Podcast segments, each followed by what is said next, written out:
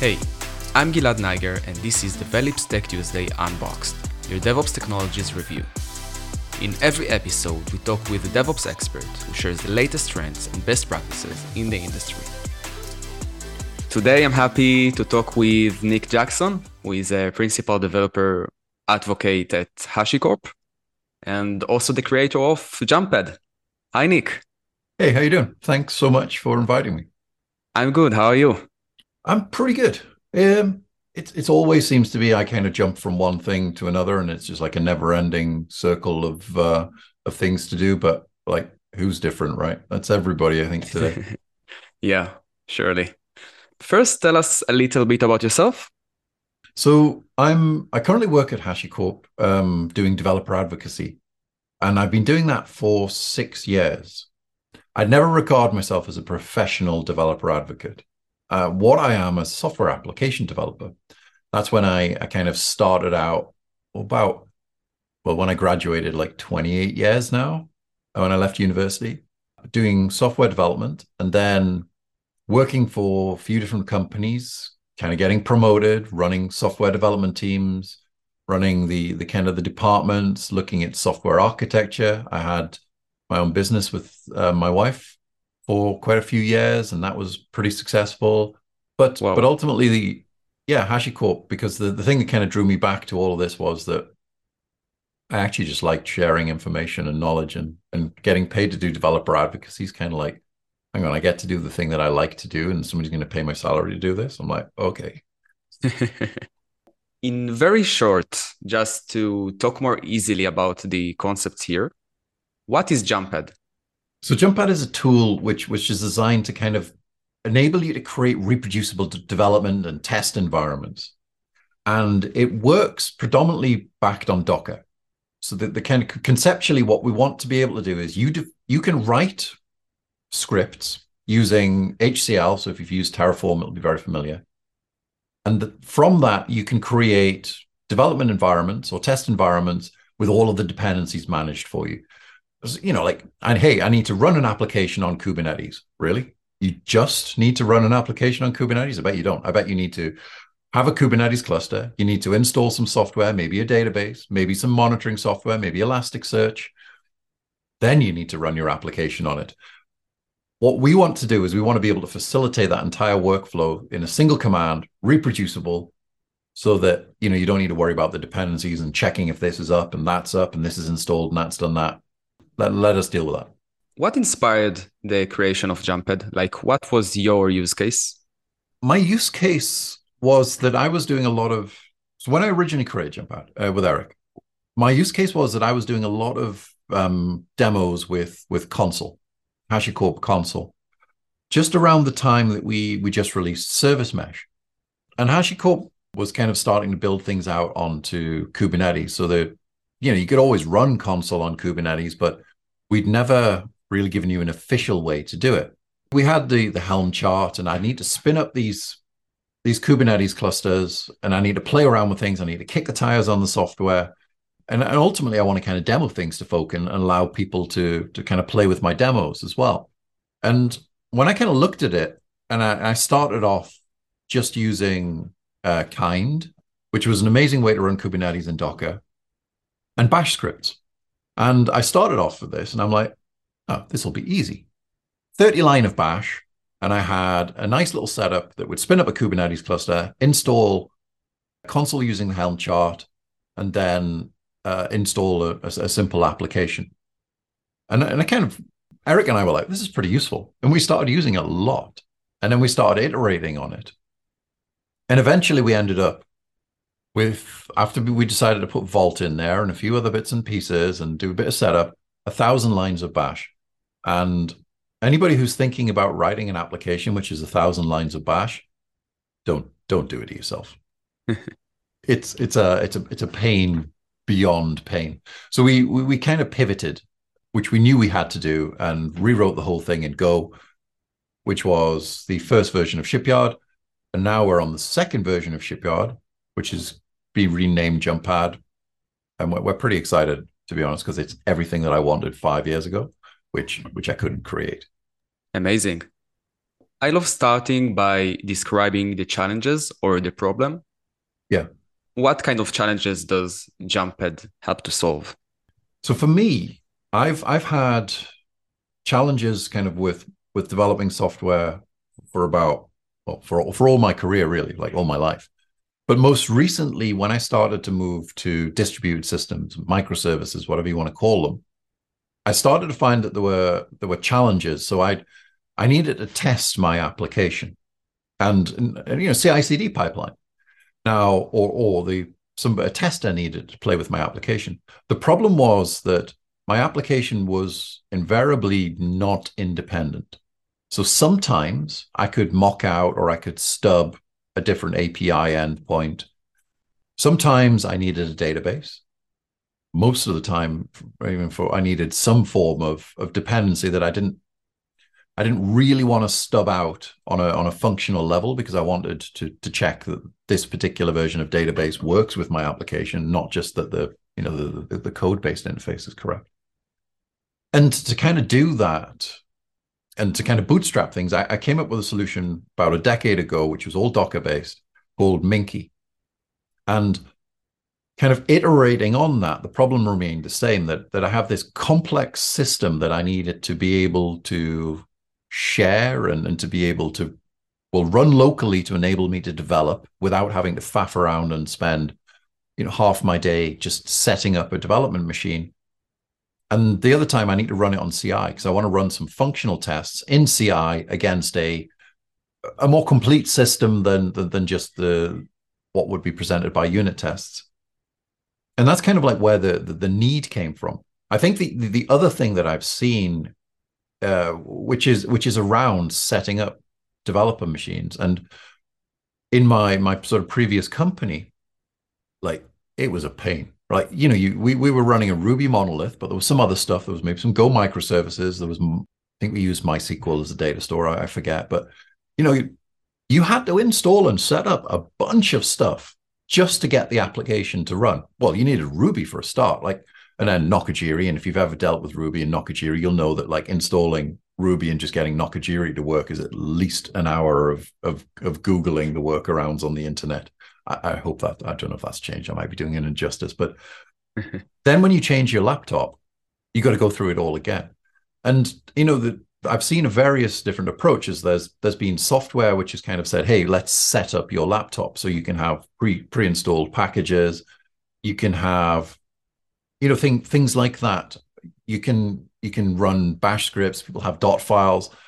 Just to kind of get an application running to be able to just do your job and to be able to work my my kind of core problem with all of that is one of immutability in that when i'm developing an application anything that exists on my computer is is an unknown potentially an unknown dependency which could impact the, the the ability for the application to function correctly because i'm making an assumption on the initial conditions.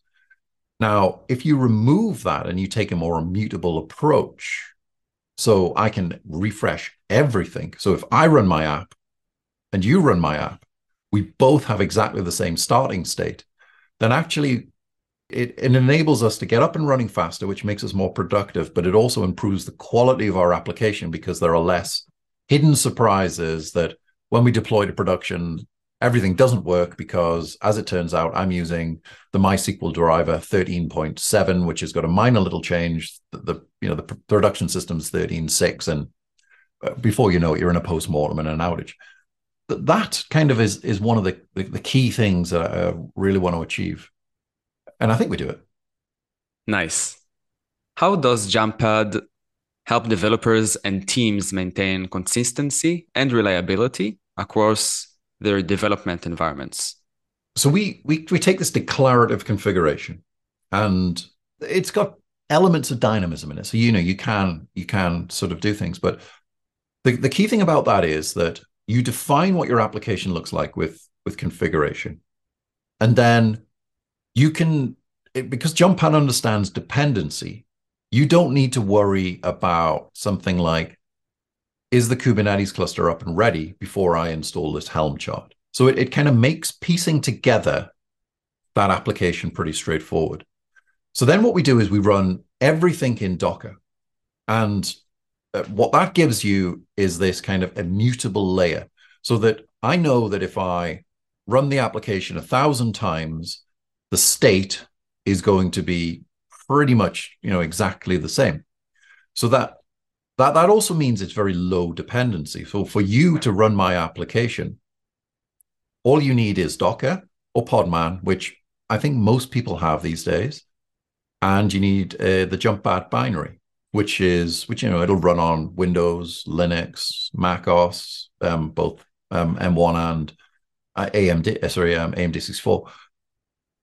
So it it means that actually, even if I'm running Windows and you're developing on a Mac, you can send me this configuration. I'll run it and I get exactly the same application that you're running. So that that's kind of what we want to do. We want to be able to make that that configuration simple to read, simple to write, but because it is code, it's versionable. And then so once you've got something which is versionable, what we then can do is we can start having the ability to have different, you know, different versions of of that because you, you can store things in in Git. And you can also create modules which are reusable components, which of course can be can be versioned.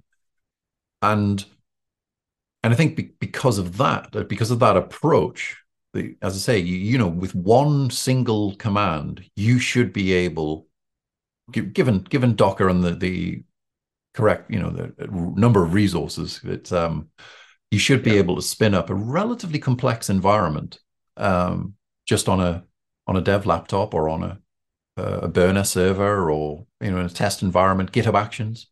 How does Jumppad handle scaling and managing multiple environments across a team or an organization? That yeah, so it, that's not necessarily something we it's it's it's something that I've been thinking about. It's not something that we we immediately tackle. Now, what we're we're kind of trying to work on at the moment is is is pretty much just local. So I have my own environment running on my local machine. You have yours running on your your local machine. Yeah. I am aware uh, we're kind of aware that there could potentially be a an improved solution to that, such as the ability to spin up a, a Jumppad blueprint in um, in a cloud resource, such as the ability to be able to connect that blueprint in the cloud resource to your local machine, and so you, you know you can share environments uh, across teams and and things like that. It's something that that I have ideas on how to fix. It's not something that I'm going to can fix immediately, but what we what I am going to fix impendingly or introduce impendingly is the ability that for for collaboration across boundaries. So say you and I can both work on different applications. And if we're both using Jumppad, we can actually connect our applications together into one one kind of hmm. big um, big system again all, all, you know all running locally but it, it means that if you're pairing with somebody it, it's just trying to make that process of um, the, the, local development environment a little bit more um, scalable a little bit more flexible but yeah, like at the moment, you're limited to the resources that you have on your your local machine, or if you spin Jumppad up in a on a cloud server, we don't support multiple nodes as such. But you know, maybe maybe those are interesting things. I think it's uh something I'd like to think about pursuing at some point. Are there any integrations that Jumppad has or plans to have in the future to enhance its functionality? Yeah. So we are we're going to build a couple of things. Predominantly at the moment, we've we've kind of centered things around um, local exec, local execution, and um, and Docker. And one of the things that I think would be really interesting, which which I was just chatting to to Eric about a while ago, is that actually sometimes I need to. I'm running on a um, a Mac, I need to run a Windows VM as part of this this stack. You know, there's a maybe I have this opaque service which I need to use, but it, it runs in Windows. Yeah. So we we've already investigated bringing Firecracker support to to be able to use um, Jumppad with Firecracker virtual machines, and um, and I think because that's all um, QEMU based, we will probably introduce a resource which is a QEMU resource, which allows you to utilize uh, QEMU virtual machines as well as Docker containers. And and yeah, Firecracker will come at a point. The, the, the problem with Firecracker is it breaks the compatibility, the portability promise, which is I want you to be able to run this shipyard uh, Jumppad blueprint on your Windows machine, on your Mac, or on your Linux box.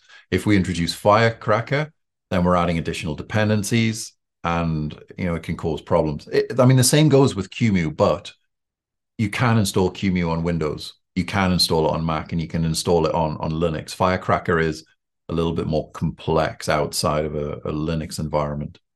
Definitely those things, and also um, Terraform, because people are like, you know, it's sometimes it's quite useful just to be able to run some Terraform, just just an arbitrary Terraform Terraform run. You know, might just be for configuration or something, but we're going to add we're going to add that too. Nice. What is the roadmap for Jumppad? What new features or improvements can users expect to see in the near future or in the, the long future? Yeah. oh well, the long future. I don't know to tell you about that, but the the near future. So we've just released. We haven't gone 1.0 yet. We are going to go 1.0 um, because we just renamed Shipyard to to Jumppad. Congratulations! Compl- oh, it was a heck of a work. I'm not going to lie to you. We we the we had to completely rewrite the parsing engine for the HCL, and what you now have with the parsing engine is something which is um, you, you know you can you can use the the properties and the outputs of other resources as parameters for for other so you've got this way to kind of connect inputs and outputs together inside of the configuration just automatically and in addition to that, when you create those dependencies, so for example, say I mount the, the destination of a template as a volume in a Docker container, Jumppad automatically knows that it needs to create the template before it creates the Docker container.